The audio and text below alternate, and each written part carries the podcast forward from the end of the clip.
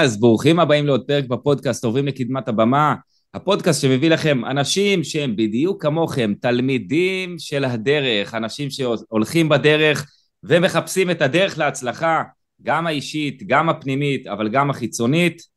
והפעם הבאתי לכם בחור שאני עוקב אחריו ככה בתקופה האחרונה ועושה לי את זה, פשוט עושה לי את זה, יש משהו בך שאני פשוט, לא יודע מה, באישיות שלך, שממש אה, ככה, כיף לי, כיף לי להיות ליד האישיות הזאת. לבחור הזה קוראים רותם זילברמן, אהלן רותם, מעניינים?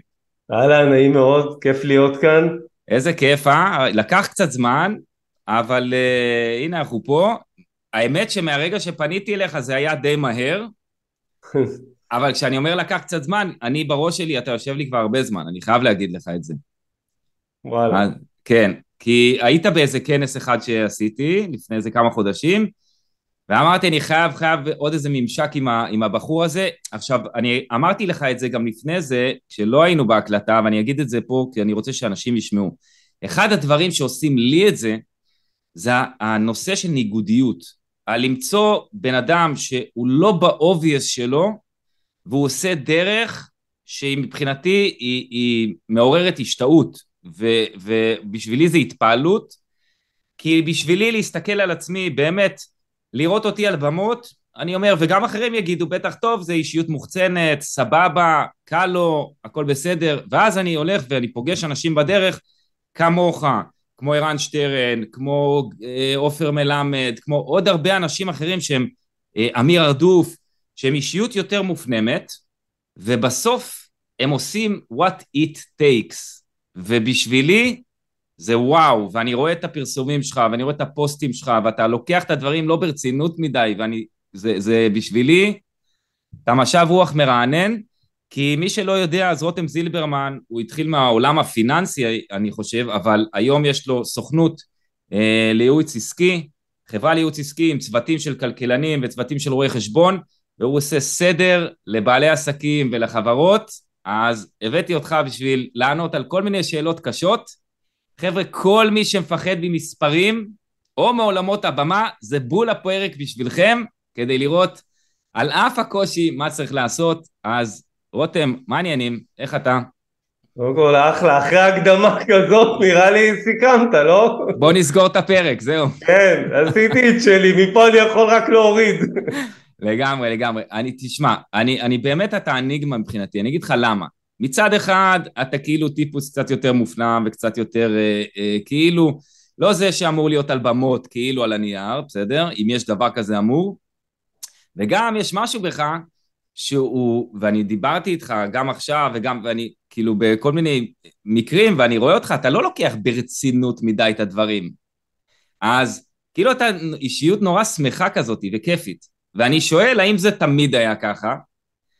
האם בתחילת הדרך שלך, אתה יודע, אכלת חתחתים ו- וסבלת וקיללת, או, ש- או שזה קורה לך עדיין? או שאתה תמיד אישיות שמחה כזאת, ואז אתה מהאנשים המעצבנים האלה, שזה לא פייר כאילו. לא משנה מה יקרה, הם תמיד שמחים. לא, בוא נגיד ככה, חלקית. חלקית. אה, כן, אני משתדל, באמת, שיהיה סביבי נעים. אוקיי. אני חושב שזה גם חלק מהעניין שגרם לי לסבול הרבה שנים כשכיר. כי יכולתי להסתדר, הסתדרתי במס הכנסה, הייתי רכז חברות כמה שנים טובות.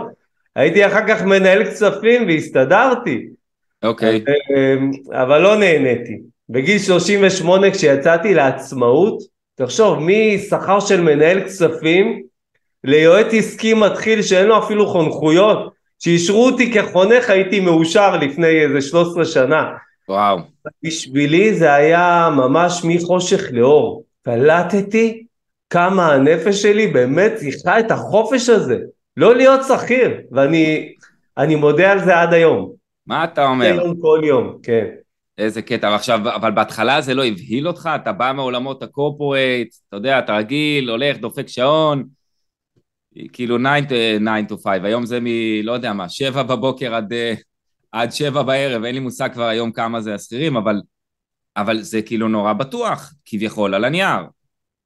כן, אבל אני בפנים, בכל מקום טרומתי, לא הייתה לי בפנים שאלה אם אני נשאר או לא. היה ברור שאני אעזוב, היה לי ברור. וואלה. פשוט האופציה של להיות עצמאי או בעל עסק לא, לא הייתה לי בראש, אני בא מבית עם ראש של שכירים, שלא אמרו לי אל תפתח עסק, אבל זה בכלל לא היה אופציה, זה של אחרים. ואני כשהתחלתי לייעץ, אמרתי יואו, איך אני מחזיק את הדבר הזה? תן לי רק לרוץ, להביא איזה חמש עשר אלף, שיהיה לי, אתה יודע, איזושהי הצדקה להמשיך על, ה, על החלום הזה, זה מה שעניין אותי. ולפני זה איפה? בשבע שמונה אתה הולך uh, כמו גנב, יושב בחדרי ישיבות, לא, לא יכול להכין לעצמך אפילו את הקפה. Uh, וכן, זה היה שחרור כאילו פשוט מדהים. יאללה, איזה יופי, איזה כיף. עכשיו, שתף אותי קצת, אה, דיברת קצת על הבית. אז מה, איפה גדלת, כמה אחים, מה הם עושים, ההורים, כאילו, שאני אבין את הרקע קצת. אה, קודם כל ההורים שלי, אבא שלי נפטר, הוא היה מודד, איש שטח כזה, תן לו להיות כל הזמן בשטח, אה, כל כך שונה ממני, אני תן לי להיות כל הזמן לא בשטח. אה, אימא שלי הייתה מורה, היא בפנסיה. אוקיי. יש לי שתי אחיות יותר קטנות. איפה גדלתם? חושב... גדלנו בקריית אונו, גם היום אני גר בקריית אונו, mm-hmm. ואני חושב שבנפש, אם תשאל אותי בפנים בפנים, אני בכלל מטפל. יאללה. כן, ואני כל השנים, אני זוכר שאני גם כל הזמן בטיפול והתפתחות אישית כבר עשרים שנה. ואני זוכר שהייתה מישהי שהייתי הולך אליה, אנחנו בקשר עד היום, והיא אמרה לי, רותם, תבין, אתה תצליח, אתה רואה חשבון. ואמרתי לעצמי, מה היא רוצה? יש אלפי רואי חשבון, אני לא חושב שאני רואה חשבון כזה טוב, מה הקטע? מה הקטע? יש לי גם את הראיית חשבון הבסיסית, החיבור למספרים, אבל הנפש היא בכלל בטיפול, בלעזור לאנשים כאילו לחיות יותר טוב, ובזה אין הרבה רואי חשבון שעושים את זה, בוא נגיד ככה. לגמרי. ובייחוד, לקח לי כמה שנים להבין את מה שהיא אמרה. יאללה. ואת זה הבנת מתי, שהיית שכיר או שהיית כבר עצמאי? לא, כשהייתי עצמאי, בהתחלת הדרך היא אמרה לי, אני לא חוויתי הצלחה גדולה, זאת אומרת היה לי מאוד טוב, אבל אתה יודע, כספית עוד לא היה, עוד כן. לא היה להיט גדול, בוא נגיד ככה. Mm-hmm. והיום אני, אתה יודע, בשנים האחרונות אני יותר מבין את זה, אני גם מבין יותר את מקומי אה, בעולם הזה, ונכון שאני מאוד מזוהה עם פיננסי, כולם כל כך פוחדים מהפיננסי. אנחנו נדבר על זה. רותם, אתה, אתה תעשה לי תזרים זומנים שיהיה טוב. כן, אבל לא כמו שאתם חושבים, זה לא שאני אדפיס לכם כסף, כאילו אתם, אתם תנהלו את העסק ותקבלו החלטות אחרות, ומשם יבוא כסף, לא מאיזה קסם שרותם יעשה בתזרים. אמ, וכן, היום אני יותר מבין את מקומי. אני, אני אשאל אותך כזה דבר, תראה, אני, אני dreamer, וכמוני עוד רבים, בסדר? וזה לטוב ולרע, כי ה dreamer ים, מה טוב בהם? יש להם חזון נורא גדול, יש להם שאיפות נורא גדולות, הגשמה, הם רואים דברים, הם, הם, אני יכול כאילו לראות דבר גדול ולהאמין שאני מסוגל לעשות אותו. והרבה אנשים נופלים בדרך, וגם אני הרבה פעמים נופל בדרך, אני כאילו רואה את זה באיזה vision, אבל אז הפחדים מתחילים לדבר, אם אני לא הולך לשם, אז, אז באמת איפשהו לפעמים נגדע באמצע. אבל יש אנשים כמוני שהמוח שלהם רץ מדבר לדבר לדבר לדבר, תושיב אותם על פיננסים, תושיב אותם על בוא, אוקיי, סבבה, זה החזון, בוא נבנה את זה. אומרים לא, זה בשביל מישהו אחר, זה לא אני עושה את זה, זה, זה אני החזון, אני לא ה... אני אעמוד על במות, אני לא אשווק, אני לא אעשה מספרים, אני צריך לעמוד על במות, בסדר? ואז אתה בא ופותח עסק, ואני שואל את עצמי, האם אצלך זה from day one היה כאילו, אוקיי, יש פה חיבור עסקי נורא ברור, תוכנית עסקית מאוד מאוד ברורה, ואז לפי זה אני הולך, או שאתה התבלבלת בהתחלה, אני כאילו מנסה להבין למה נצמדת, נצמדת ל... לרואה חשבון שבך ולפיננסים, או נצמדת לח... לאיש החזון שפתאום יצא לעצמאות, איך זה תפס אותך כאילו בתחילת הדרך? אתה, אתה כבר מניח שהתשובה היא שניהם, כן? אוקיי. הלכתי עם החזון, אין שאלה. החזון אוקיי. גם הגן עליי. כי הש... הכסף לא היה. לא היה עודף. כן, אבל, אבל יש, כשיש תח, תוכנית ויש תחזית, יש ודאות. ואת זה אנשים לא מבינים. אז אני שואל את עצמי, אם אתה באת ואמרת, טוב, אני עכשיו לא מכניס, אבל אני יודע שבאפריל זה יקרה, ובמאי זה, זה יקרה, וביוני זה יקרה, ולאט לאט ראית התפתחות, ואז הבנת ROI, return on investment, כל מיני דברים כאלה, ופתאום ראית מספרים, וזה עשה לך רוגע. לאנשים כמוני הם יכולים גם להיות שנים, אין להם שום תחזית עסקית, בסדר? אני היום כן עובד ככה, כן עובד עם הדברים האלה, אבל אני אומר, אנשים כמוני, הרבה מהם אין להם. אני רואה אנשים עשר שנים בעבודה, הקליניקה מלאה, קליניקה מפורקת, אבל הם לא יודעים את המספרים עדיין. ואצלך זה כאילו נראה לי שכן, אמנם לא היה הכנסה, אבל היה, הייתה ודאות וזה מספיק בשביל להמשיך לעבוד. אני שואל, אני לא יודע, אני, אני מדמיין שזה מה שהיה, אבל שוב, אני שואל כדי שנקבל איזשהו מושג איך, איך כדאי להתנהל בכלל. איך כדאי, בוא, בוא נגיד איך כדאי להתנהל וגם מה אני עשיתי. כן. תראה, אני פחות עובד עם תוכניות עסקיות, שזה אולי נשמע מוזר לאנשים. Mm-hmm. אני עובד מה שנקרא עם תוכניות פעולה, עם חיבור חזק מאוד למספרים היום. אוקיי. Okay. מדידה חזקה. זאת אומרת, ממש להבין כמה שעות אני עובד, כמה כסף, מה, ומה הצעדים הבאים בדרך לחזון. Okay. זאת אומרת, אוקיי. אם למשל אני עם מחזור של 20 אלף, ממה הוא מורכב, מה צריך לעשות עכשיו כדי להתקדם ל-100 אלף, אם יש סיכוי. אם יש okay. אוקיי. סיכוי, עושים את זה. זאת אומרת, מצליחים לזוז, קודם כל עם חיבור למספרים של, של למלא את זה עשר דקות רבע שעה ביום, ובצורה מובנית, ואז זה נסבל לכולנו. באמת, mm. גם מאנשים שכאילו שונאים מספרים ואקסלים, למה? כי כשהם ממלאים את זה, הם, זה לא משהו לרואה חשבון או כמו שיעורי בית, הם מרגישים שכאילו זה עוזר להם להתחבר, להבין איפה הם חיים, ונותן להם את התקווה. כן.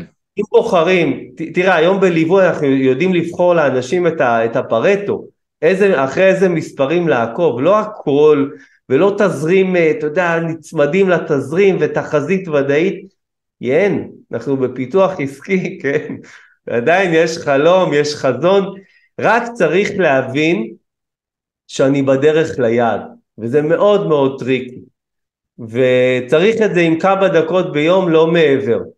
ואז מבחינתי, תחשוב, זה כאילו העסק, אני מדמה לפעמים לאנשים, לא, תקשיבו, העסק זה כמו איזה כולם יודעים שמרצדס זה רכב טוב, סבבה.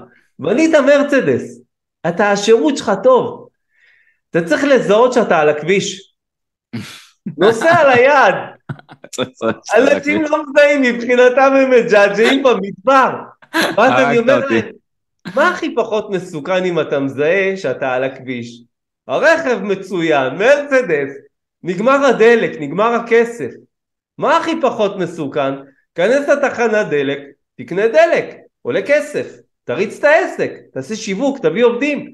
אבל רוב האנשים לא מחוברים למספרים, אומרים רותם, אני לא יודע אם אני בדרך, מה עכשיו, הדבר היחיד שאני יודע, ומה עכשיו, להוציא עוד כסף? על מי? עליי? אני לא יודע אם אני באמת טוב. תשאל את רוב בעלי העסקים.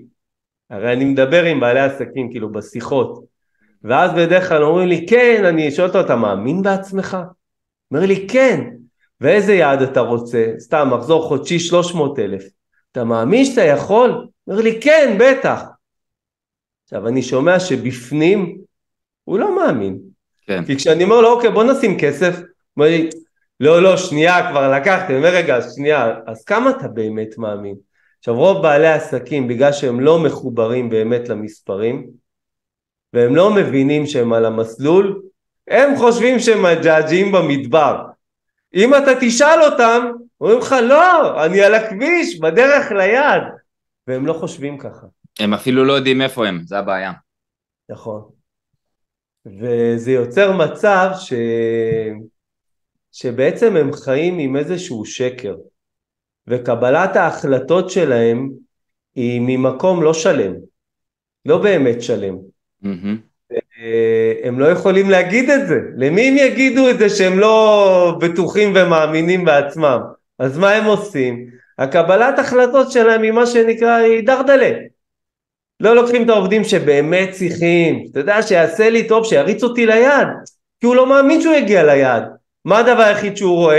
שהוא יביא היום עובד שעולה לו נגיד 15,000 ואין לו את ה-15,000. בדיוק. הוא אומר, זה לא אחראי. אז מה הוא יביא? איזה עובד בחמש. הוא לא יביא, הוא לא יביא, הוא, הוא לא יישאר, יביא. הוא יישאר באותו לופ כל הזמן, ובדרך כלל, ברוב המקרים, לפעמים הם ייקחו, ובאמת, י, י, י, אתה יודע, יקמצנו, וברוב המקרים ממה שאני רואה בעלי עסקים, הם לא יביאו את העובד, הם יעבדו לבד כל הזמן, ותקרת הזכוכית בגלל זה תהיה אותו דבר כל הזמן. כי אי אפשר לגדול ככה, בסופו של דבר. אתה לא יכול, אלא אם כן אתה ממנף, פתאום בונה תוכנית פרימיום ו- ומצליח למכור במקרה, כי אתה עדיין לא לגמרי מאמין בעצמך עד הסוף, אבל משהו שם, איזה קלף הולך לך, הכוכבים יסתדרו, ואז אין לך ברירה כבר, והרבה אנשים, אני חושב ששם הם יוצרים גדילה אה, כזאת או אחרת, וגם רוב האנשים, אם עכשיו רגע ניקח את זה לתוכניות פרימיום, הם לא הולכים על תוכניות פרימיום, לא כי הם לא מאמינים שהמרצה לא טוב או המנטור לא טוב, אלא כי הם לא מאמינים שהם יעשו את העבודה. אני חושב שהם לא מאמינים בעצמם בסוף, שהם יצליחו ליישם, זה העניין. את הדבר הזה, נכון? דרך אגב, עם אותה חשיבה, גם כשהם גדלים ומביאים עובדים, הם ממשיכים עם אותה חשיבה. זה אומר שגם העובדים בפנים, הרבה פעמים כשאנחנו נכנסים לעסקים, אני אומר לבעל העסק, תגיד, אתה מרוצה מהעובדים? הוא אומר לי, לא. ואני אומר לו, עכשיו עזוב שנייה, אין בעיה של כסף, הרי אני יודע שזה בעיה של כסף, אני בעל העסק. איזה עובד צריך? ישר הם אומרים לי, זה מצחיק, ישר הם אומרים לי על עובדים שלא קיימים אצלהם. עכשיו, דרך אגב, הם לרוב צודקים, אבל בגלל שהם לא יודעים לחבר בין העובד הזה לעודף כספי, לכמה כסף יצא מזה בסוף, ואין להם היום עודף של כסף, גם אם הם גדלו, הם לא יביאו. זה כן. אומר שזה מין, מין מצב של אה, עבדות ולחץ מתקדם, כאילו שאתה, שאתה אתה יכול לחיות בו שנים אה, לא מעטות, בוא נגיד ככה, וזה זה מאתגר. והרבה פעמים גם אנשים סוגרים שם, וסוגרים אחרי הכמה שנים האלה, ואז גם יש תחושת כישלון. אה, סטטיסטית אנחנו רואים, רוב בעלי העסקים הקטנים יסגרו, אין מה לעשות. אה, מבאס. עכשיו בוא נלך רגע לאמונות. אתה פוגש את זה, אני פוגש את זה בפן שאני מלמד NLP, מלמד עמידה מול קהל, ו- ובאמת עובד עם בעלי עסקים של, על קדמת הבמה. אז אני פוגש את זה מהמקום הזה, אבל אחת האמונות הכי קשות, הכי גדולות, הכי בעייתיות, זה כל הנושא של מספרים וכסף. ואתה פוגש את זה בטח ביומיום שלך, זאת אומרת, הם באים אליך ורוצים קסמים. הם לא רוצים להיות חלק מזה, הם רוצים, יאללה, אתה תטפל לי בזה, אני אטפל בזה. והם לא מוכנים, הם כאילו עדיין רוצים להיות, אה, ושוב, אני, שואל, אני חצי שואל, כן, אני אומר את זה, אבל אני גם שואל, האם הם באמת רוצים כשהם מגיעים להיות עם, אה, כמו בת יענה עם הראש בחול, או שהם באים ב... יאללה, בוא תלמד אותי מספרים ואני רוצה to own it, מה שנקרא. איך זה קורה בפועל? זה בול, זו שאלה, מה זה טובה? ובתחילת השיחות הרי אנשים הרוב מגיעים לא מרוצים מהמצב הכספי. בוא, גם הרבה אנשים שאתה רואה שזה נוצץ כלפי חוץ, אצל רובם בפנים בפנים, שהם מסתכלים על חשבון בנק, דיכאון, בסדר? כן, כן. וכן, כשהם באים אליי בהתחלה, ב- בתחילת השיחה, אמרו לי, תקשיב רותם, משהו בפיננסי לא עובד. משהו. בפיננסי. כן, זאת הבעיה, הבעיה היא בתזרים. אוקיי. בואו בוא, בוא נדייק. אני רגע, רגע, אני חבר'ה, אני, אני באמת אומר שאני, סליחה שאני צוחק, אני יודע שיש פה אנשים שמקשיבים או צופים בפודקאסט הזה וזה כואב להם וזה נוגע בהם. אני צוחק א', כי אני מכיר את עצמי ואני יודע איפה אני הייתי ואיפה אני היום ואיפה עדיין יש לי blind spots. אני לא חף מטעויות, אני אומר לכם, אני רחוק מלהיות במקום טוב מבחינתי, איך שאני הייתי רואה את זה, ואיך שהתחלנו את השיחה אמרתי, נראה לי אני הולך לקחת את הליווי של רותם, לא משנה מה. בסדר? אז אני, אני כבר אומר, אם אני צוחק, זה או כי אני מסתכל על עצמי ואני מתבייש בחלק דברים, בסדר? וגם כי אני, אני רוצה להקליל את הסיטואציה, אז בסדר? אז עמכם הסליחה, זהו, סגור סוגריים, רותם תמשיך. רגע, של- גם אני אתן, גם אני אתן לא, איזושהי ש- שלא ייעלבו, שלא ייעלבו ממני, אני, אני. באמת... תקשיב, אני אומר, אני אומר קשים לבעלי עסקים, אני אומר לכולם לפני זה, גם אני מבקש אישור, אני אומר, תקשיבו, אין לי ביקורת על אף אחד, ואני אעזור לכם, כי אני אגיד לכם את האמת. ומה שאני אומר פה זה האמת. ומי שייקח אותה, וואלה, במקום ללכת, אתה יודע, ולהגיד, זאת הבעיה, שאם אתה מתעסק איתה כאילו לא תפתור כלום, לכו לאמת. כן. ואז שאני מדבר איתה ואני אומר לו, אוקיי, בוא נראה מה בתזרים. ואני שואל אותו כמה שאלות, כמה הבית, כמה העסק, טה-טה-טה, כמה החזרי ההלוואות, אני משקף לו תמונה ואני אומר לו, נניח, הנה, תראה, אתה מכניס 100, מוציא 120, חסר 20 כל חודש. עכשיו אני אהיה אלוף העולם בניהול תזרים. אתה מבין שלא שם הבעיה? עכשיו, כן. למה אנשים אומרים לעצמם הבעיה היא בניהול תזרים? כי אתה אומר, תשמע, רותם מקצועי, יודע לנהל תזרים, תסדר לי, וזהו, אבל הבעיה היא הרבה יותר קשה, כן? כן. זה כאילו, יש לך, יש לך חור בצינור, זה לא צריך עכשיו לפתוח את הקרקע, להשקיע בשיווק, להשקיע בעובדים, לשנות אולי, הנה, לבוא אליך ולשנות את המוצרים והשירותים, לבנות תוכניות פרימיום. זה לא פשוט. כן. הרבה יותר פשוט, רותם, קח את הכסף, תנהל לי את התזרים, תעזוב אותי בשקט. זה חלום. כן. אני חושב, אתה יודע, אני תוך כמה דקות בשיחה עם בן אדם, אני אחרי חמשת אלפים שיחות, בסדר? אני כמו מכונה בדבר הזה. אני משקף להם, הרבה פעמים אנשים צוחקים יחד איתי. אומרים, כן, כן, צודק. אומר, מה, לא קלטת את זה לפני? ואז אומרים, תשמע, ידעתי פחות או יותר, אבל אתה יודע, תמיד יש את התקווה, נכון? כאילו, גם כשאתה מינוס 20 נקודות במשחק כדורסל שלוש דקות לסוף, אתה אומר אולי, אולי דפקו שבע שלשות וננצח. לא, כן. רעיון, רעיון מעולה, בואנה זרקת פה סטארט-אפ עכשיו, אני חושב שהרבה מאמנים אה, יבואו אליך מעכשיו. אז, אז מה הקטע עם כסף ומספרים? למה אנשים כל כך חוששים מזה? למה, מאיפה, כאילו, איך אתה רואה את זה? אתה, אתה יודע, אתה פוגש את זה כל יום. אני קיבוצניק, אני מאשים את זה, בסדר? גם זה, גם זה סיפור, זה סיפור אגב, חבר'ה. יש קיבוצניקים עשירים כקורח היום, זה לא, זה בכלל לא, לא העניין, יש המון, המון אנשים שבאו מהעיר או ממושב שהם גם, הם, הבעיה שלהם מספרים ועם כסף היא נורא גדולה. כשאני אומר כסף, אני כבר רואה לה, בקורסים וסדנאות, אנחנו מדברים קצת על כסף או על כל מיני דברים כאלה, פתאום אנשים, אתה רואה לא טוב, לא טוב, אנרגיה לא טובה. נכון. מה, למה זה כזה בעייתי לדעתך? תראה, בסוף כסף, ממה שלמדתי, mm-hmm. זה מהבית. המערכת יחסים עם כסף היא מהבית, אני לא איזה מאמן גדול, פשוט אתה יודע, הייתי, היה לי תוכנית איפה הכסף עם שני מאמנים, שרית אמיתי ואריה מליניאק, המומחיות של שרית אמיתי זה יחסים עם כסף. אז ראיתי, אתה יודע, הסיפורים חוזרים על עצמם, כמה זה קשור לילדות, וכמה אנשים נרתעים מ- כן. מלטפל, לנהל ולייצר כסף, ואני חושב שאם מנתקים שנייה, אתה יודע, ולוקחים אחריות עלינו, כי אתה יודע, עם כל הכבוד לילדות, נגמרה. ורוצים לקחת אחריות, בסוף המשחק עם כסף הוא הרבה יותר חזק ממה שאנשים קולטים. אנשים, אתן לך דוגמה פשוט קלאסית. Mm-hmm. איך רוב בעלי העסקים לוקחים הלוואות, ומה לוקחים? קורה להם בראש? הם לוקחים כשהם חייבים.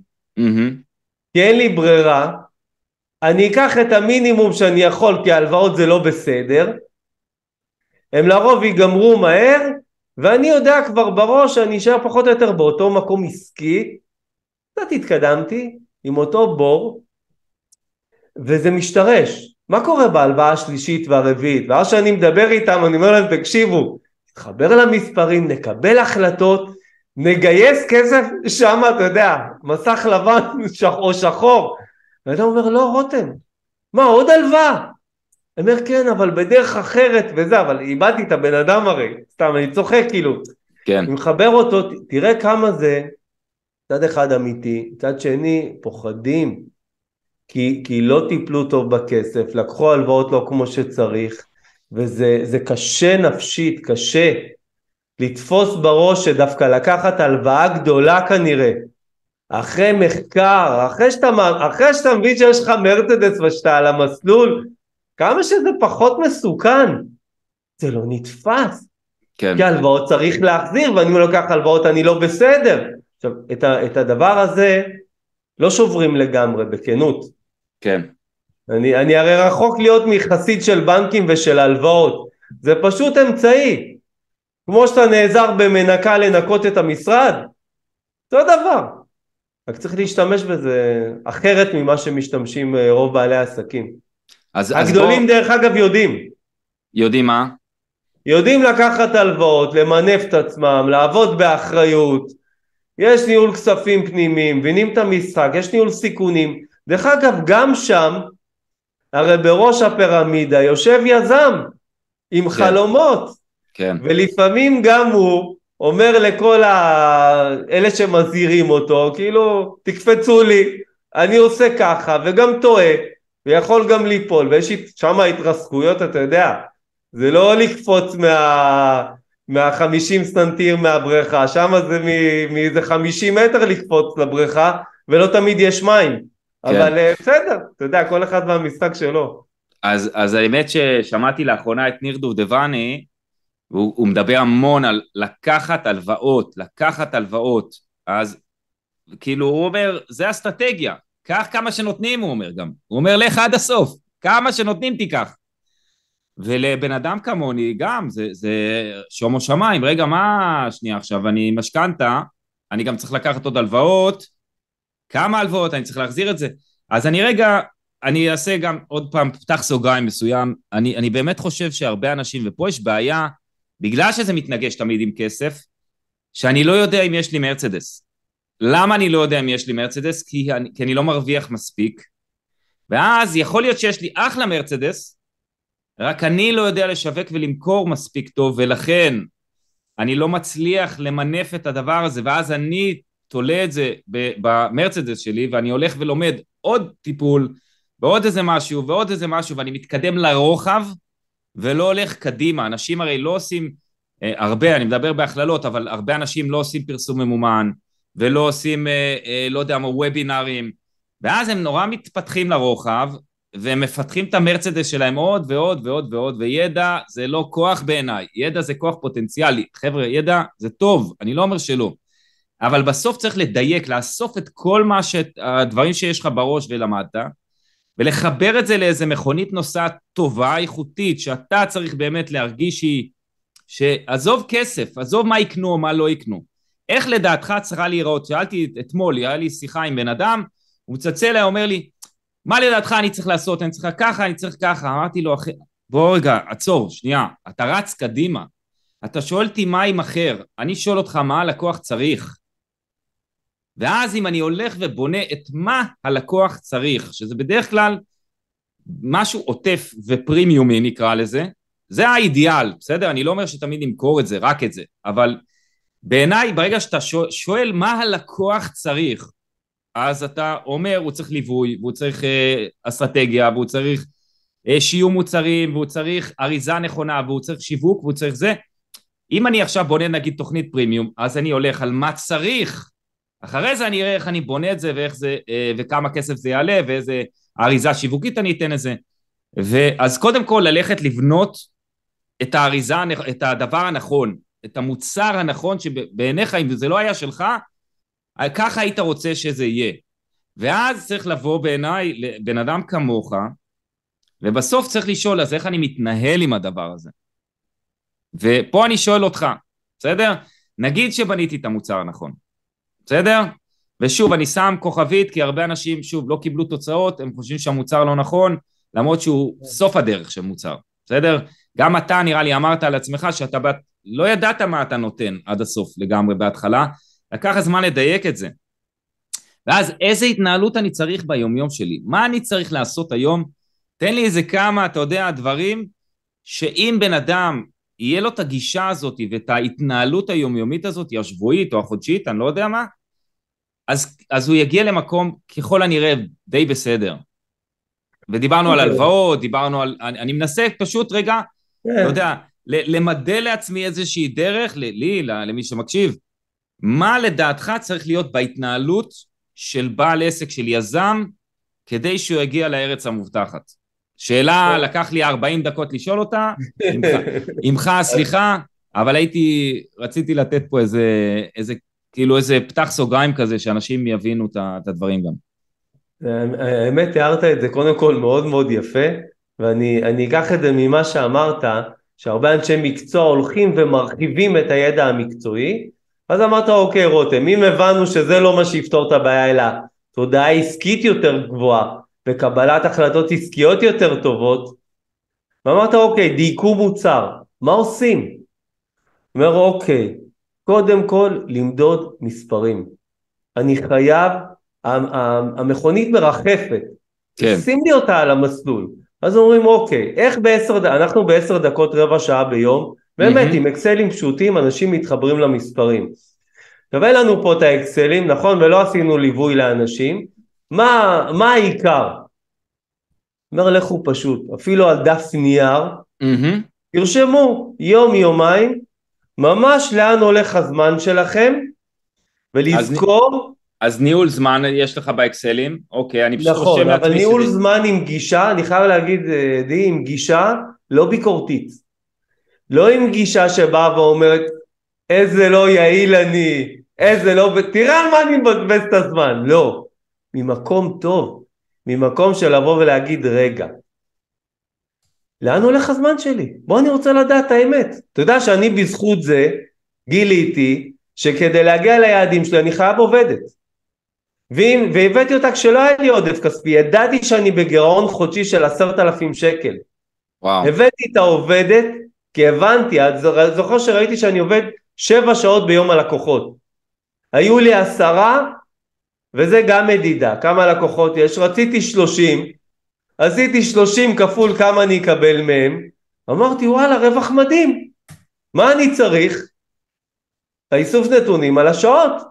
אני רואה חודש אחד אני עובד, אוסף נתונים, רואה שאני עובד שבע שעות ביום הלקוחות. אמרתי, לא יכול להיות. אוסף עוד נתונים עוד חודש, אני, וכשמחובר למספרים. אומר, וואי, עוד פעם שבע, איזה וואו. מוזר. וואו. ואז הבנתי, חד משמעית, שאם אני רוצה פי שלושה לקוחות, שבע כפול שלוש זה 21 שעות ביום לעבוד על לקוחות. אין לי סיכוי. וואו. וכשהבאתי את העובדת, הבאתי אותה ממקום שאני חייב אותה. אם לא הייתי מסתדר איתה היו באים גם עשר אחרים או אחרות. זה גלגל שיניים במכונה, אתה מבין? זה מושרש לי בראש בזכות החיבור למספרים. אחרת ככה מה? גם אני בגירעון עשר חודשי, גם משלם לה, וגם צריך לעשות שיווק. ואז גם כשאתה מתחיל לחקור על השיווק, שזה הרי החלק, באמת, הכי, הכי קשה, אחרי שנרגעים קצת, mm-hmm. לא שיווק, זה קשה. כמה באים אליי ואומרים לי, רותם, עשיתי פייסבוק, לא עובד לי. לא, אוקיי, בוא תספר לי כמה עשית, כמה שילמת. לא עשית. הבאת אישור לעצמך שאתה בסדר. לא. אני צריך להביא במקום עשרה לקוחות שלושים? עוד פעם, מדידה.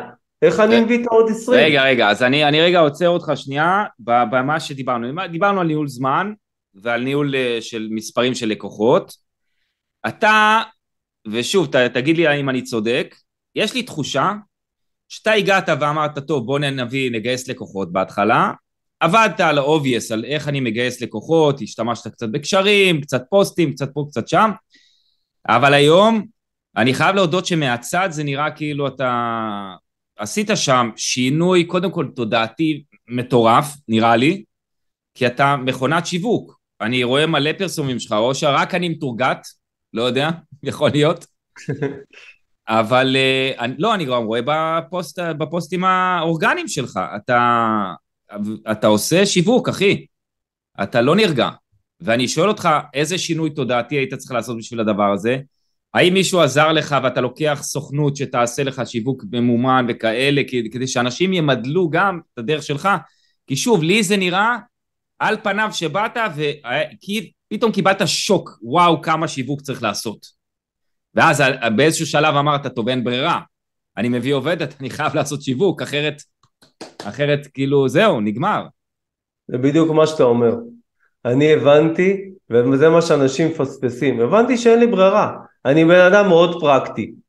אנשים לא, לא מבינים, אני לוקח הלוואות ומשקיע כסף כי אני שמרן. אני, יש לי יעדים, אני רוצה להגיע אליהם, מה במינימום סיכון? שים כסף. אני התחלתי שיווק לפני 11 שנים, לא הבנתי כלום, באמת כלום. אמרו לי תכתוב שתי פוסטים בשבוע לפייסבוק. עכשיו okay. אני אוקיי. בן אדם שבשיעורי בית בספרות שתי שורות כותב, לא יודע איך ממשיכים. טוב, מתחיל לכתוב, אז האשת פייסבוק אומרת לי, תשמע, מתחילה תנועה. ואני אומר לה, מה זה תנועה? אני, אתה יודע, הייתי סמנכ"ל כספים, אנחנו שורות תחתונות, אין עסקאות. אמרתי, זה לא ככה. אני זוכר שב-2014, שתבין, עשיתי כבר, עשיתי כבר, אה, מה שנקרא, עליתי על הבמה. עשיתי okay. אוקיי. מיתון כמו שצריך, לקחתי את יניב זייד שיעזור לי לעלות על המגרש. יפה. ואז אני זוכר, באתי למקדמת בגוגל אה, אורגני, ואמרתי לה, תקשיבי, אני רוצה שתביאי לי לידי מגוגל, אני אשלם. היא אומרת לי, אה, רותם, אין לך אתר. אי אפשר להביא לידי מגוגל בלי אתר, שתבין כמה הייתי ירוק בזה, אבל זוכר, אני צריך במקום עשרה לקוחות שלושים, מחכה לי רווח של עוד חמישים אלף, במונחי נדל"ן זה שווה השקעה של עשרים מיליון שקל, אני אשקיע פחות. באתי לאנשי השיווק, מה אתם צריכים? תגידו לי, אני עושה, עד היום אני חייל של השיווק, אני yeah. מבין מאוד בשיווק, מאוד, אני מייעץ גם ללקוחות שהם, שהם אנשי שיווק, ומה היה לי מאז? תמיד יש לי סוכנות דיגיטל, או היום יש לנו קמפיינר. יש לי תמיד, היה לי אסטרטגים, שאנשים לא מבינים שאסטרטג שיווקי זה שונה לגמרי מסוכנות או קמפיינר.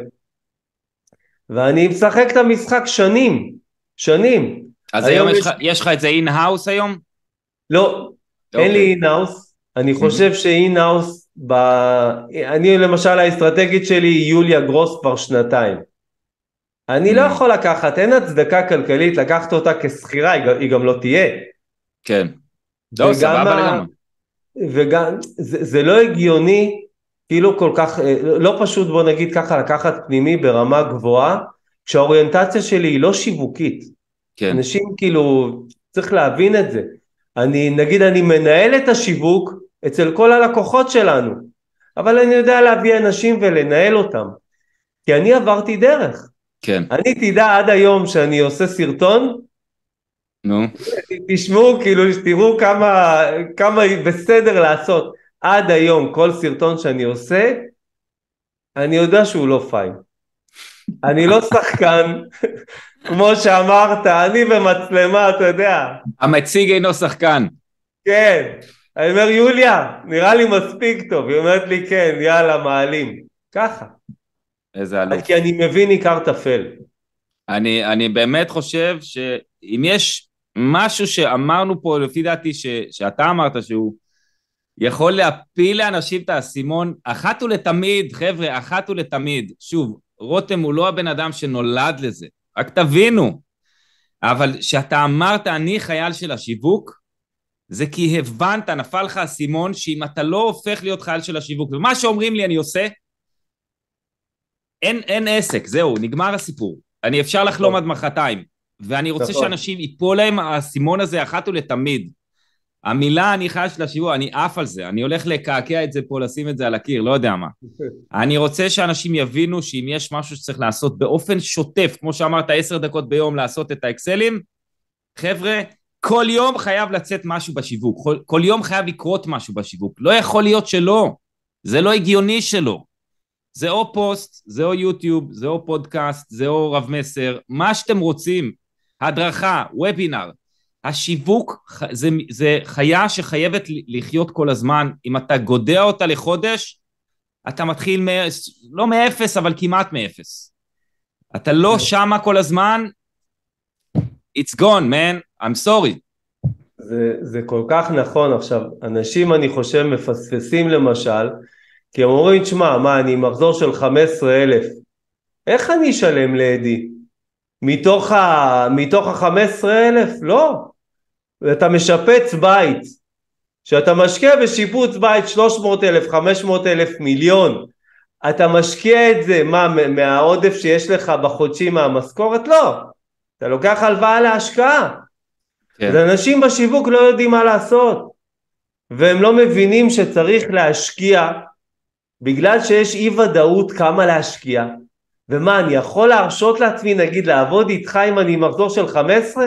בראייה שלי, אני לא יכול להרשות לעצמי לא לעבוד איתך אם אתה יכול לעזור לי. כן. נגיד אנשים בתחילת בתחילת הדרך, תיקחו אנשי שיווק תותחים, אין לכם מה לעשות ביחד. אין, לא, לא, לא, לא תצליחו לנצל אותם, אבל אם כבר הלכתם קצת ונכשלתם, בואו נגיד את האמת, נכשלתם בשיווק. שיווק זה קשה, זה מורכב, זה מתוחכם. אם אין לך באמת, זה לא שאני מוכר את האנשי שיווק, אני באמת רוצה להקל על בעלי העסקים. כאילו שימו כסף כמו שצריך, הלכתם קצת, לא עובד. הבעיה היא לא בשיווק, הבעיה אצלכם. אתם, כאילו לכו תפתרו את זה. אני כמה אנשי מקצוע, אתה יודע כמה אנשי מקצוע היו לי, אחד מכולם למדתי. כן. ושתיים, כאילו, עשיתי כדי שלא יהיה ספק, אני לא, אתה יודע, לא, לא מתיימר להבין בזה עד הסוף. אמרתי, תשמע, במינימום תעשה, אם לא הולך, זה לא כי לא עשית, זה כי כנראה הנתיב לא טוב, בסדר? שלא יהיה את הספק הזה. אז אני עושה, אני משתדל. וגם פה, אתה יודע, זה, זה לא מאה אחוז. כאילו, אני קם, זה גם שאלה איך אני קם, זה לא תמיד, אבל אני כל הזמן על המסלול, אין שאלה. כן. אין וואו. שאלה. הנחישות והכוח המנטלי פה זה לא... אין שאלה, אם, אם לא זה, כאילו, תעלו ליציע, אין עסק. שמעתם? אם זה לא זה, תעלו ליציע. זהו, זה מה שאני, שאני גם, אה, זה, ו, ולא בקטע רע, בקטע של בוא נחסוך זמן וכאב לב וכאב וכסף, חבל. אה, פשוט צריך, יש בעסק זה שאסי, יש לו אה, איזשהו מנגנון שאם הוא לא מתופעל מכמה כיוונים, אין דלק, אין מנוע, אין לא יודע מה, גלגל שיניים, אין הגה, אין, אין, אין דברים שאפשר, ל, לא יודע, להניע את האוטו, הוא פשוט הוא באיזשהו שלב יפסיק לעבוד. אז סורי שזה פרק כזה שהוא in your face, אבל עם חיוך, חבר'ה, עם חיוך. עם חיוך. אנחנו כן. אומרים את זה במתיקות, בסדר? with sugar on top, מה שנקרא. תגיד לי, אז התחלנו לדבר על, על כמה עקרונות שהם חייבים להיות בעסק, מחוץ לשיווק, אמרנו אה, ניהול זמן, אמרנו אה, ניהול, שאני אדע כמה, ניהול המספרים שלי, של כמה זמן, כמה לקוחות, אמ, אתה עושה גם ניהול של אה, כל הנושא של, אתה עושה את זה, או שאיש השיווק שלך עושה את כמה, כמה לידים נכנסו, כמה אה, שיחות עשיתי, איך, איך אתה... כן. על הדבר, תזרים, מה, איזה עוד דברים אתה, אתה שם באקסלים האלה? אני אתן לך שני דברים. אחד, השיווק, עוקבים, אחרי כל מה שנכנס. מה נכנס? שם רישום פשוט. ליד, מי זה? טוב, לא טוב, מה יצא ממנו, כמה נכנסו היום, מאיפה, עסקאות, מאיפה, י... מה יצא מהם, אפשר אתה לדעת... עושה, אתה עושה את זה כל יום, אתה עושה את זה כל שבוע, כל חודש, כל כמה... זהו, אני מאמין בחיבור יומי. אם אתה עושה את זה כל יום, אתה חי את זה, אתה מדייק את זה לצרכים שלך. אם אתה בא פעם בשבוע, זה שיעורי בית. ושיעורי mm. בית אנחנו לא אוהבים לעשות, ואם אפשר להעתיק, נעתיק, ואם המורה לא יתפוס אותנו, מבחינתי אני לא אעשה. דרך אגב אותו דבר תזרים זומנים, פשוט אנשים פותחים לי היום חמישה חשבונות או שאתה יודע כל חשבון כאילו מיועד למשהו או, או למשל אומרים תשמע חייבים להפריד בין החשבון של הבית לעסק זה. אוקיי. הבלאגן. מה הגישה? מאוד פשוט. הרי, הרי יש את הגישה היום של כל הנושא של Profit First ש Profit First אומרים אני, אני שוב לא מכיר את זה מספיק כן. אבל שמעתי חמישה שישה חשבונות בנק כל חשבון למשהו אחר, שוב, אתה יודע, תדבר חופשי אם אתה רוצה, אתה גם יכול להגיד לי, תשמע, עזוב, לא רוצה להתבטא בנושא, אה, כדי לשמור על יחסים, אבל מה דעתך, כאילו, מה הגישה שלך אומרת בגדול? זהו, אני אדבר על הגישה שלי, בסדר? זה שונה קצת, okay. אוקיי. בכנות. אני חושב שאם הולכים פשוט, mm-hmm. מבחינתי אפילו בחשבון אחד, אני מקצין הכל, שים על אקסל, תרשום רק תאריך, על מה שילמת, לא למי.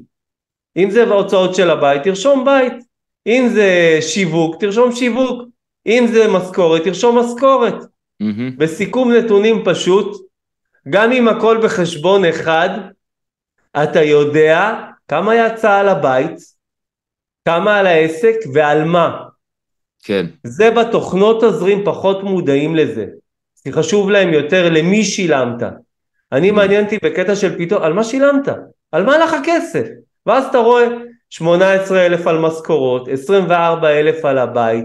עכשיו, כשזה עם חיבור יומי, פעולה 2-3 ביום, מהדק אותך לקרקע תוך כמה ימים, אתה יודע, אנשים אצלנו תוך שבוע-שבועיים, זה לא שאני בא למכור עכשיו, אתה יודע, את הליווי שלנו, כאילו... לא, תמכור אחי, תמכור. תסלוק אותנו. אתה, אתה, אתה יודע, בוא אלינו, כן, הכי טוב. אתה, אתה מסתכל פשוט, אתה אומר, בואנה, אני מבין לאן הלך הכסף. כי לרואה חשבון אין תזרים.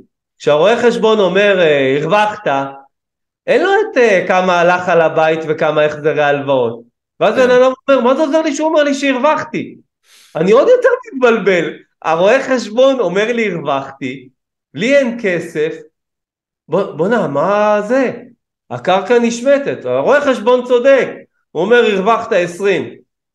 הוא לא מתעסק עם זה שהבית אוכל 25 ויש לך עוד 10 החזר הלוואות. מבחינתו זה לא קיים. באקסל פשוט, אתה רואה את כל זה בכמה דקות ביום. ואז אנשים פשוט מתחברים למספרים. עכשיו למה אני מאמין באקסל כזה פשוט? כי זה גורם לאנשים לקחת אחריות. אם אתה שכיר, לך תצמצם.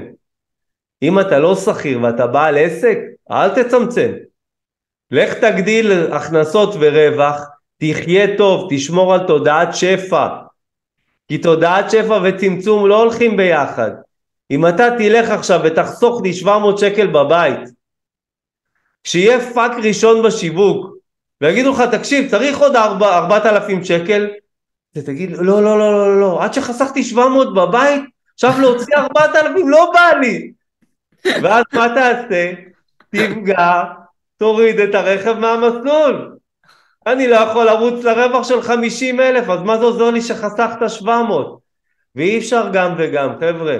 תודעת שפע וצמצום לא הולכות ביחד, תבחרו. וואו, אחד, אין מה לעשות. אהבתי, אהבתי. הנה, אני רושם את זה. אני מחפש כל הזמן, אה, תוך כדי הפרק, שמות לפרק, אז אני רושם מדי פעם. כל מיני משפטים ככה שעולים לי. אה,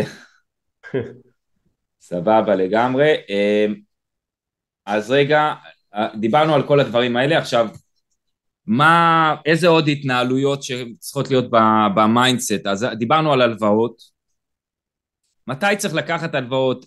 איך לוקחים הלוואה? זאת אומרת, אני, היום אתה, אתה עובד נגיד עם בלנדר, נכון? אמרת. אה, מה, מה היום אני צריך לעשות? אני עכשיו בעל עסק, בוא נגיד עברתי קצת דרך, אני לא בתחילת הדרך, אפשר להתחיל גם בתחילת הדרך ככה, יכול להיות שכן, אני לא יודע, אבל בוא נגיד עברתי קצת, אני יודע היום לאן, לאיזה כיוון, יודע פחות או יותר מה המוצרים שלי כבר, מה אני יכול למכור, איזה קורסים, סדנאות, לא יודע מה, כל אחד והתחום שלו, בסדר? איך אני לוקח הלוואה? מה אני עושה? אני הולך לבנקים, אני הולך לשוק האפור, לאן אני הולך? שוק אפור, מה זאת אומרת? שוק אפור זה, זה הסדין האדום באמת, אין, אה, סגור את העסק כאילו. כן, אה, זאת העצה, אבל בגדול, קודם כל בוא תבין למה אתה צריך את הכסף וכמה. אחרי אוקיי. שאנשים מבינים את זה, הכל, עדי, הכל פשוט. זאת אומרת, מה אני צריך לעשות איתו?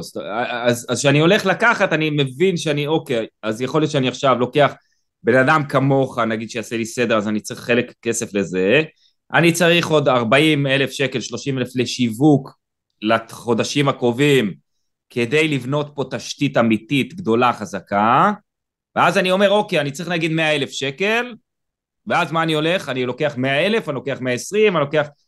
כאילו, אני לוקח קצת אקסטרה, מה, מה עושים בשלב כזה? מה... קודם כל אני אני לוקח הרבה אקסטרה, בוא נגיד ככה, כי אתה יודע, הדרך זה אחלה שאנחנו מתכננים, בדרך אם היא קו חלק, כאילו, זה, זה משהו מת, אין סיכוי כמעט שיהיה חלק. לכן אם אני רואה שלכיבוי שרפות שלי, שיהיה לי שקט, ואני צריך עוד 40-50 לשיווק, ולעובדים אחר כך אני צריך 100, אני אקח 150, אוקיי. לפחות. ואני גם אבדוק כבר אם הם ייגמרו לי, אם אני יכול לגלות. היום אני רוצה את האינדיקציות. אתה לוקח, אם הם ייגמרו לך, אז אתה יכול מה? נקטעת לשנייה? אם אני אוכל לקחת עוד. אוקיי. אני רוצה לדעת כבר היום, אני רוצה לבנות לי מרחב מוגן, ואז, תראה, אנחנו, אתה יודע, אני שנים לא הולך עם לקוחות לבנקים. אנשים מופתעים. אני לבנקים של הלקוחות, אני אומר ללקוח הרבה פעמים מה להגיד, או שאנחנו כותבים לו, לא תוכנית עסקית, אנשים חושבים שתוכנית עסקית מעניינת את הבנק, זה לא נכון. אומרים לו מה להגיד, אני רואה את המערכת יחסים, תבקש מהבנק, קודם כל במגרש הביתי, ואז אתה מגלה מה באמת הבנק חושב עליך, זה לפעמים לא נעים. אנחנו הולכים הרבה פעמים עם בקשות עדינות, 50 אלף, 80 אלף. אני רגע עוצר אותך שנייה, אני רק רוצה ש, שתבין את המשמעות הפסיכולוגית של מה שאמרת עכשיו. כשאני מגיע לבנק והבנק אומר לי, תשמע, עזוב, תשחרר, זה תחושת כישלון מטורפת יכולה להיות לבן אדם. זה כאילו משבר, משבר כאילו הזייתי, בגלל זה אני חושב שאנשים, אתה אומר את הדבר הזה, ואתה מחייך פה, אבל אני, אני חושב על הדבר הזה, זה לא פשוט. לא, זה לא פשוט. אני הייתי אומר לכולם, קחו מגייס אשראי. אנחנו גם עובדים עם מגייס אשראי כאילו. מה זה אומר? מישהו שההתמחות שלו זה לא איזה מאכערים, מישהו שהוא רואה חשבון או כלכלן, יודע לעבוד מול הבנקים, יודע להסתכל על, הנ... על הניקוד שלכם בבנקים דרך הקפטן קרדיט, אומר לכם כמה אפשר לקחת, ממי אפשר לקחת, עוגן, קרן ערבות מדינה שזה בעצם הלוואה מהבנקים ואנשים לא מבינים, מהבנק שלך, מבנק אחר, הוא בן אדם שהוא בקשר למשל עם איזה מאה מנהלי סניפים. אני אישית לא בקשר עם המנהלי סניפים, אני יודע כן. איך הבנק עובד. קחו כן. אחד כזה, תשלמו לו. תפרסו את השכר טרחה שלו לחמש שנים, זה לא מזיז. קחו כן. הגנה. אתה יודע, אני את המשכנתה שלי בזמנו שלקחתי, אני מבין בזה. בגלל שאני מבין בזה, לקחתי איש מקצוע שיביא לי את המשכנתה. כי אני יודע שאני לא ממוקצע. אל, ת, אל תשחקו עם זה, אל תלכו לבד. זה מלחיץ. אתה יודע, אנחנו, הנה, דיברת על בלנדר. אצלנו בתוכנית ליווי, אחד אין התחייבות, הבן אדם יכול לעזוב מחר. אממה, אני מגייס לו כסף. יש לנו שיתופי פעולה עם בלנדר ופאמה, והם נותנים כסף אה, רק לתוכנית ליווי. כן. עכשיו, מתי אני לוקח את זה לבן אדם, ותראה מה זה כישלונות מול בנקים. אני לוקח את זה כשהוא נכנס לליווי, עכשיו בן אדם נכנס לליווי לחוץ, מפוחד, ומה קורה אם למשל בבלנדר אומרים לו לא? הייתה לי מישהי מדהימה, אשת מקצוע באמת מדהימה, בן אדם עם ערכים, כאילו, ידעתי שכאילו, היא מקצועית מעולה, עסקית לא טובה, אני, אני יודע להשלים את זה. כן. טוב, הגשנו בקשה לבלנדר, חשבתי שזה יעבור, אתה יודע, אני יודע את האינדיקציות, נפלה, כאילו נכשלה. היא נעלמה לי ליומיים, לא הבנתי איפה היא. וזה בדיוק מה שאתה מתאר עם הלתפוס את הראש, אמרתי לי, תקשיב רותם, קיבלתי דיכאון. אמרתי לה, אבל אמרתי לך שיהיה בסדר, שאני אדאג לך מהבנקים, נביא... זה פצצה, אין לך מושג איזה פצצה לפרצוף זאת. ממש. ואתה רואה בן אדם, כאילו, עסק טוב, אני אעזור לה, היא היום כבר uh, הרבה זמן בליווי, כאילו גדלה והכל, נכנסה יומיים לדיכאון. מה השתנה במציאות? כלום. היא קיבלה כאילו סטמפה שלילית מהמערכת הבנקאית, אתה, אתה, אתה מאבד ידיים ורגליים. חבר'ה, המערכת הבנקאית, שתדעו, היא מערכת חזקה, קרה ופחדנית ברמה מטורפת. זה מה שבעלי עסקים לא מבינים.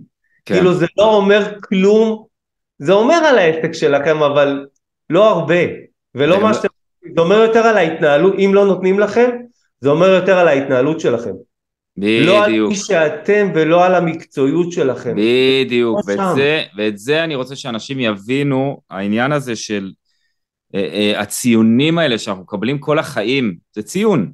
חשבון הבנק זה סוג של ציון, שאתה רץ איתו, ואם אתה לא למדת ולא לא לימדו אותך ב, ב, ולא לימדו אותנו בילדות, ששם רוב האמונות שלנו משתרשות, שזה פשוט הזיה איך אנחנו עדיין מתנהלים בעולם כמו שאנחנו מתנהלים, אני, אני משתגע מזה, זה מעצבן אותי אפילו עכשיו שאני מדבר על זה, שלא מלמדים אותך על זה, ואז אתה יוצא לעולם ויש לך ציון של מי שיכול לקבוע את החיים שלך באיזשהו אופן או להשפיע עליהם מאוד, ואתה לא, לא, לא מודע בכלל איך לעבוד עם, ה, עם הצד הזה, ש, והציון 70, 60, 50, 40, ואתה הולך, ואתה יודע בתוך תוכך שאתה בן אדם, מה זה מדהים, שיש לך מה זה איכויות, שיש לך ערכים, שאתה באמת בן אדם שבא מטוב ורוצה לעשות טוב לאנשים, זה מתסכל אותי. אנחנו עכשיו בתהליך עם הבן שלי של אה, להתקבל לבית ספר דמוקרטי, שאין בו ציונים, עד גיל מאוד מאוחר, אה, זה דורש הגרלה, אז אנחנו מחכים ב... בימים הקרובים נדע. כי שם נקבעים המון, נקבעות המון אמונות אחרי זה, ומשתרשות. שוב, יש לטוב ולרע, דמוקרטי, לא דמוקרטי, שלא תעשו עליי אליום עכשיו פה, מה הולך לדמוקרטיה, יש שם זה, איך הם מתקדמים האנשים האלה. כן, בסדר, יש כל מיני דברים בעד ונגד, בסוף הבעד עולה בעיניי על הנגד. אמ, אז כן, זו פצצה, זה וואחד פצצה שהיא נעלמה ליומיים ו... ו... זה נכון, אני רואה, זה, זה, זה, זה מדהים כמה, כמה אנחנו מייחסים לדברים כאילו משמעות לא נכונה, ממש. איך הרמת אותה? מה, איך אה, זה... הצלחתי לתפוס אותה בטלפון.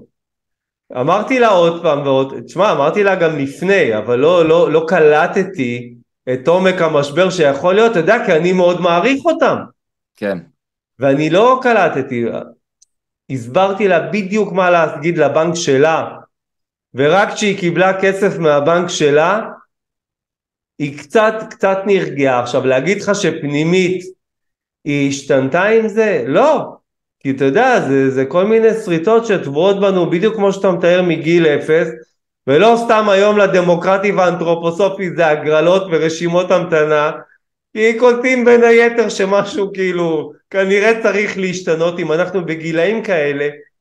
תראה אנשים טובים מדהימים, איזה בנקאי נותן לך ציון או אומר לך לא, אתה אומר טוב, אני, אני כישלון. כן. אני כישלון. אה, כן. מטורף, מטורף. טוב, אז דיברנו על ניהול זמן, כמה, ניהול הלקוחות שלנו וכל הנתונים של כמה לידים, כל הדברים האלה. אנחנו לא נכנסים לעומק בעולם הזה כרגע, בסדר? תסלחו לי, אה, אנחנו מדברים על מרחב, מגדול. דיברנו על נושא של לקחת הלוואות, נכון? של לקחת הלוואות. יש עוד משהו ב, בהתנהלות עסק שלדעתך הוא חשוב? אה, אני יודע מה, התייחסות לחגים, לדברים כאלה, לתקופות, כאילו, יש דברים שאתה יודע שאתה מראש דואג לימים קשים, כמה ספייר אתה משאיר כדי שלימים, אתה יודע, לימי גשם, כמו שקורה לנו בתקופה האחרונה, או למשברים עולמיים שקורים? תראה, אני בגדול, אני מאמין בריצת טורבו כל הזמן. אוקיי. Okay. ולא מתייחסים לא לחגים, לא לקיץ. אתה יודע, אני שנים פחדתי מיולי-אוגוסט. אמרתי, יולי, אני עם ריטיינרים בלי התחייבות. בן אדם יכול לעזוב מחר, כאילו אין לי אפילו חודש קדימה, ויולי-אוגוסט האיומים. וכבר כמה שנים אני עדיין מתכונן לזה, ולהפך, יש שינויים. למש... אני יכול להגיד לך שבראייה שלי, הימ... תראה, יש דברים שהם עונתיים, בסדר? תמיד נותנים את האוטו, דוגמה של אוטו גלידה. יש בעיה בחורף, מה לעשות? כן. כן. אמ, אני לא, לא מסתכל על זה ככה, אני מסתכל גם תודעתית. למשל, אצלנו אני יכול להגיד לך, יש ימים, כמה ימים בשנה, mm-hmm. לקראת ראש השנה ועד אחרי כיפור, של מין הדממה, בימים של פסח, של הניקיון, גם אני חווה איזושהי הדממה. Mm-hmm. חוץ מזה, אתה יודע, אני רצים כל הזמן, גם כשחלש תעשה שיווק יותר חזק. כשחזק תעשה שיווק. אל, אה, אתה יודע, אל תנוח על זרי הדפנה. כשחזק נצל את זה, תעשה שיווק יותר חזק. כן. כאילו, אז כל הזמן לעשות יותר חזק. אתה יודע כמה עסקים שבאו אלינו בקורונה, הרי היה שיש שינוי עולמי. כן. וחוו שגשוג. אוקיי. שגשוג. ואז אחרי שהקורונה, אתה יודע, הדברים קצת יותר התייצבו, הם אה, חוו ירידה. וזה בגלל שהם לא התכוננו כמו שצריך. כן. כאילו כשהיה היי, תן גז. אמרו, לא, עכשיו לא צריך להשקיע, הכל בא לי בקלות. ובעצם לא התכוננת ובנית כמו שצריך כשהיה לך הזדמנות, ועכשיו קשה. כן. תגיד לי, בואו נדבר קצת על חיבור בין אה, עולם הרוח, ההתפתחות האישית, מנטלית תודעתית, שאתה עשית וחווה ועושה, לבין התפתחות עסקית. מה, תן, תן לי את החמש סנט שלך על הדבר הזה, ותגיד לי, בוא תן, תשתף קצת, מה, מה אתה עשית? מעניין אותי לדעת איך אתה... כי, כי אתה שוב פעם, באת מעולמות של... אני מכיר את הארגונים, אני הולך לארגונים, להרצאות הרבה, זה, הם עושים לי טובה, לפחות בתחילת ההרצאה שהם מקשיבים לי, כי הם אמרו להם להגיע, פתאום הם רואים שמעניין, אז, הם, אז פתאום נפתח כזה איזה וואו, ואיזה עולם אנחנו מפספסים שם בחוץ, אבל אני מדבר שוב בהכללות גסות, חבר'ה, כל מי ששכיר פה, שלא ייעלב ממני, אבל ההבדל בין עצמאים לבין שכירים בעולם ההתפתחות האישית, ממה שאני חווה עוד הפעם, סובייקטיבית, לא לבוא אליי בטענות, אני רואה שהעצמאים הם הרבה יותר שואפים, צמאים, צריכים את זה גם, אה, מאשר שכירים, אז, אז איך זה היה אצלך, כל המעבר הזה ופתאום העולם הזה של, שנכנסת אליו? מה אתה עושה? אה, אני חושב שאני התחלתי להתכונן בלי לדעת אה, מלפני 20 שנה. עוד שהייתי בגיל 31 היה לי משבר בריאותי okay. אוקיי. חזק, ממש, ומשם נפתחה התודעה כי חיפשתי פתרונות. עכשיו, פתרונות רפואיים רגילים לא היו, אז התחלתי לגלות את העולם האחר. Mm. וירא כי טוב. ומאז אני עשרים שנה, כל הזמן בטיפולים בהתפתחות אישית, זה מרתק אותי. לעבוד על החולשות שלי, אתה יודע, אנשים מסתירים חולשות, אני כל שבוע, עכשיו אני בשנתיים האחרונות בטאפינג. וואלה, שמעתי כן. על זה כן. אתמול, אתמול איזה מישהי דיברה על זה, אוקיי. זה מרתק אותי, כמו קסם. כאילו, ויש לי הזדמנות פעם בשבוע לדבר על החולשות שלי. זה, ככה מתפתחים. אתה מבין הרי, גם בעסק, זה משוואה. אנשים רצים, נהיים לי יותר ויותר מקצועיים, אבל בניהול סיכונים, שיווק וזה, הם, הם חלשים. עכשיו, גם בהתפתחות האישית, אם אני לא יבין, אני יודע היום שיש קשר ישיר בין הצלחה עסקית לבין התודעה שלך. אין. זה, זה כבר מובנה אצלי, זאת אומרת, בקטע הזה אני מוגן. כן. ואני uh, כל הזמן מחפש, זה מעניין אותי, זה מרתק אותי הקטע הזה של ההתפתחות האישית, להבין איך בן אדם חושב, איך אני חושב, איך התת מודע מנהל אותנו, זה מרתק. אתה יודע, את, את, uh, כן, אתמול הייתה לי שיחה עם, עם לקוח, ואמרתי, ו, ואני רואה מה, איך, איך עובד לו התת מודע. עכשיו תגיד לי, מה, אני, אני מטפל? לא ממש, אתה יודע, לא בהכשרה. ואני אומר לו, תגיד, הוא אומר לי, רותם, אני אוכל להגיע למחזור של 200 אלף חודשי? אני אומר לו, תקשיב, עזוב, אני חושב שאתה יכול בעשר דקות של השיחה הראשונה לפני כמה חודשים, אם לא, לא הייתי מכניס אותך לליווי. אני אגיד לך איפה הבעיה, אתה לא מאמין. הוא התחיל לצחוק, אמרתי לו, אתה בפנים, אתה מאמין? אתה לא מאמין, נכון? עכשיו עקרונית, אתה יודע, כאילו אסור להגיד את זה. ואני אומר, למה אסור? אם לא נוציא את הבעיה, נשים אותה על השולחן, איך נטפל בה? עוד רגע בשיווק הוא יישבר לי, למה? כי לא דיברנו מספיק שהוא לא באמת מאמין, אז הוא יאשים את השיווק. אבל איפה הבעיה האמיתית? פה, בפנים. אז זה מרתק אותי, כי גם אצלי, כאילו, מסתבר שאני לא מושלם, וכל פעם לגלות את זה, זה מעניין כשאתה אומר, תשמע, יש תקווה, יש אבל תקווה, עובדים על זה, מתקדמים. אז יש גישה אחת שבאה ואומרת, רגע, נו, כמה טיפלתי? מה, עוד? מה, מכונה לא זה? כן, אתה יודע, צריך... אה, זה, וכשזה מתקדם, ואתה רואה תוצאות, זה מרתק. היום אני יודע לחבר בין ההרגשה שלי, בין התודעה וההתפתחות לבין העסקי. אני ממש רואה את זה, אני רואה גם על הלקוחות שמגיעים אלינו היום, הרבה יותר מדויקים לי ואני להם. כן. זה, זה מדהים לגלות את זה ולחוות את זה. ואני רואה קשר ישיר. אם אתם שואלים בקטע של ייעוץ עסקי, אין שאלה, התפתחות אישית זה חלק מה... מהלפתח. אתם, קריטי. תגיד אני לי, מאוד אז... מאמין בזה ואני שולח את כולם אצלנו. אז, ל... תגיד לי, אז תגיד לי, למי, זהו, מה, מי השפיע עליך בדרך? בוא ככה, תן, אה, איזה, איזה אנשים השפיעו עליך בדרך? ובדרך כלל אני שואל ככה לקראת סוף הרעיון, אז אני ככה מסמן לך שאנחנו לקראת סוף הרעיון. אה, אנשים שהשפיעו, ספר או סרט או, או, או תוכנית ליווי או איזה מישהו שבחו"ל ראית או בארץ ככה שאתה יכול ככה לסמן לאנשים שאולי גם ילכו לראות או לעקוב? קדימה בוא נלך על זה. קודם כל הספר שהכי השפיע עליי זה no. הספר של טימותי פריס ארבע שעות עבודה בשבוע שקראתי okay. אוקיי. אותו בתחילת הדרך לפני כמעט 12 שנה והייתי בהלם. וואלה. זה אמר לי וואי זה אמיתי אפשר? והיום אני חי, אתה יודע, אני קצת חי ככה, בוא נגיד את האמת. ואני חושב שבליוויים לא היו לי. זאת אומרת, אני, אני הלכתי לבד ולקחתי אנשי מקצוע. אה, אריה מליניאק מאוד השפיע עליי, הוא היה שותף שלי באיפה הכסף, שלוש וחצי שנים, זה בן אדם עם חשיבה מיוחדת, אמיתי, וואו. אמ, אני חבר מאוד מאוד טוב של הבת שלו, שגם התארחה פה בפודקאסט לפני, כן, מאוד כן, טוב, מאוד טוב. אנחנו מכירים.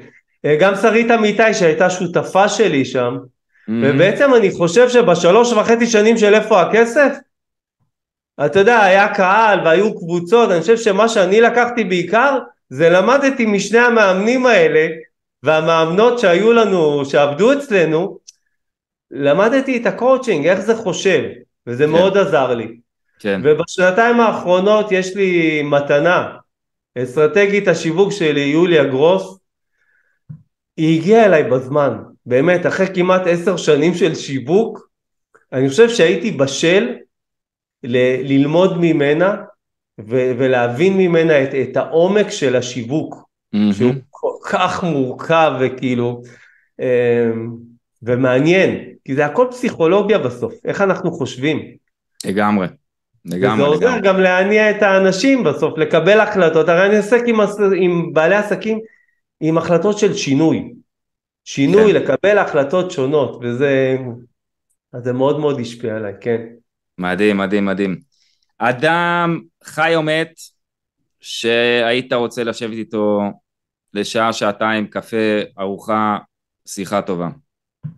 מייקל ג'ורדן. מייקל ג'ורדן, וואו. כן. כי? Uh, אתה יודע, כשגדלתי ראיתי רק את ההצלחות, גם הייתי צעיר, כן. ראיתי אותו משחק. בשנים האחרונות אתה שומע יותר איך הוא מדבר, איך הוא הרים את עצמו אחרי כישלונות. כן.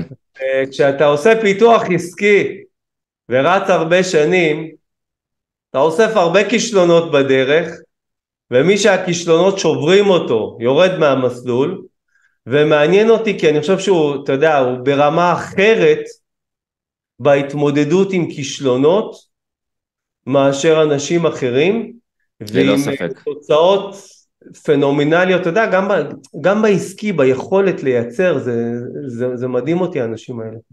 זה, וואו, זה בן אדם, תשמע, אני ראיתי את הסדרה עליו, כאילו, וואו, זה, זה, זה לא נורמלי, זה על גבול הלא נורמלי, אבל, אבל בקטע חיובי אני אומר את זה.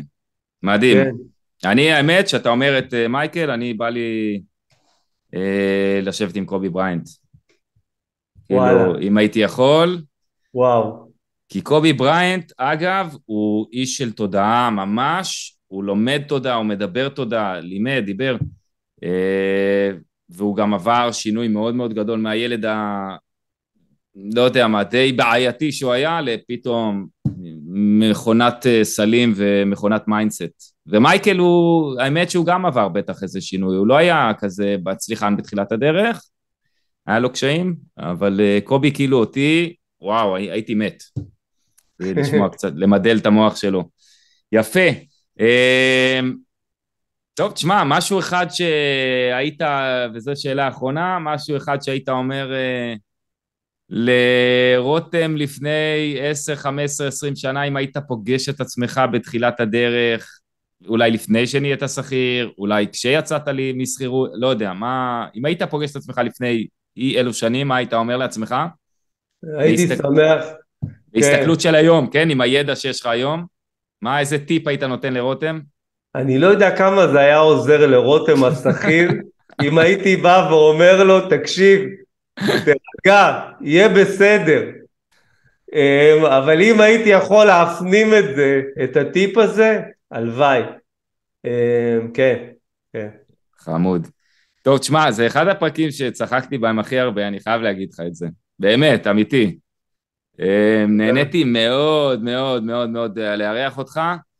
איפה אנשים, אם הם רוצים לשמוע עוד, לקבל עוד ידע, איך ליצור קשר, לא יודע, מקומות שיכולים להגיע אליך, מה, איפה אתר, פייסבוק, לאן ללכת? הכי פשוט בדיוק מה שאמרת, פייסבוק, אינסטגרם, האתר, עולים הרבה חומרים, יש חומרים, תחוו, זה מה שאני צריך, שאנשים יחוו. אה, אין לנו איזה משהו, אתה יודע, איזה מוצר דיגיטלי או משהו בסגנון, גם ליוויים זה רק אחרי שבן אדם מקשיב ומבין, ואני חושב שהיום ששומעים חומרים שלי, יש גם, אתה יודע, לייבים ארוכים וזה, אנשים יכולים, אה, יכולים לעשות איזשהו שינוי, ואז באמת מי שזה באמת מתאים לו, כבר פונה אלינו והוא ייכנס לליווי. זה... כן, מעולה. זה כיף גדול, כן. מעולה, מעולה, ואני חושב שהגיע הזמן שאני אעזור לך להוציא לאור פודקאסט, אתה לא חושב? הגיע, מה שנקרא הגיע הזמן מזמן. הגיע הזמן, אז uh, תחשוב על זה, uh, לדעתי זה יכול להביא לך, זה יכול לעשות לך קודם כל כיף, זה אחד, שנית ליצור מלא קשרים, uh, וגם, שוב, בנושא של המיתוג, אוטוריטה, כל הדברים האלה, זה יכול לתת עוד בוסט, דבר על זה עם יוליה, תראו, תחזרו אליי, אני אנסה לעזור. אמרת כיף, כאילו זה כבר מתחיל לדגדג לי, זה היום לא. קריטי במשחק, כן. זה, זה אחד הדברים הכי חשובים, ואני אומר לך, תחשוב עכשיו, ואני אומר את זה כאן מול כולם, כן? וגם אתם, אם אתם רוצים פודקאסט, חבר'ה, תפנו אליי, כי הגיע הזמן שלכם to shine, מה שנקרא. ואני אגיד לי כזה, כזה דבר, תראה, תחשוב שאני עכשיו באתי לעבודה שלי, ואני מראיין אותך. מחר יש לי מישהי אחרת, מחרתיים מישהו אחר, בסדר, נגיד, או, או כל כמה ימים אני מקליט איזה פרק, ואני מביא את האנשים שא' מעניינים אותי, מעניינים אותי אישית, לא את הקהל שלי, אותי. בסדר? אני גם דואג שזה יעניין את הקהל, שזה רלוונטי, אבל אני מביא אנשים שהרבה פעמים הייתי משלם כסף ולא מעט כדי לשבת איתם בחדר. ממש ככה. אז זה אחד. ודבר שני, אני, אני כאילו לומד, אני נמצא בלמידה. דבר שלישי, קשרים. אתה חושב ש... אתה יודע כמה קשרים זה מביא?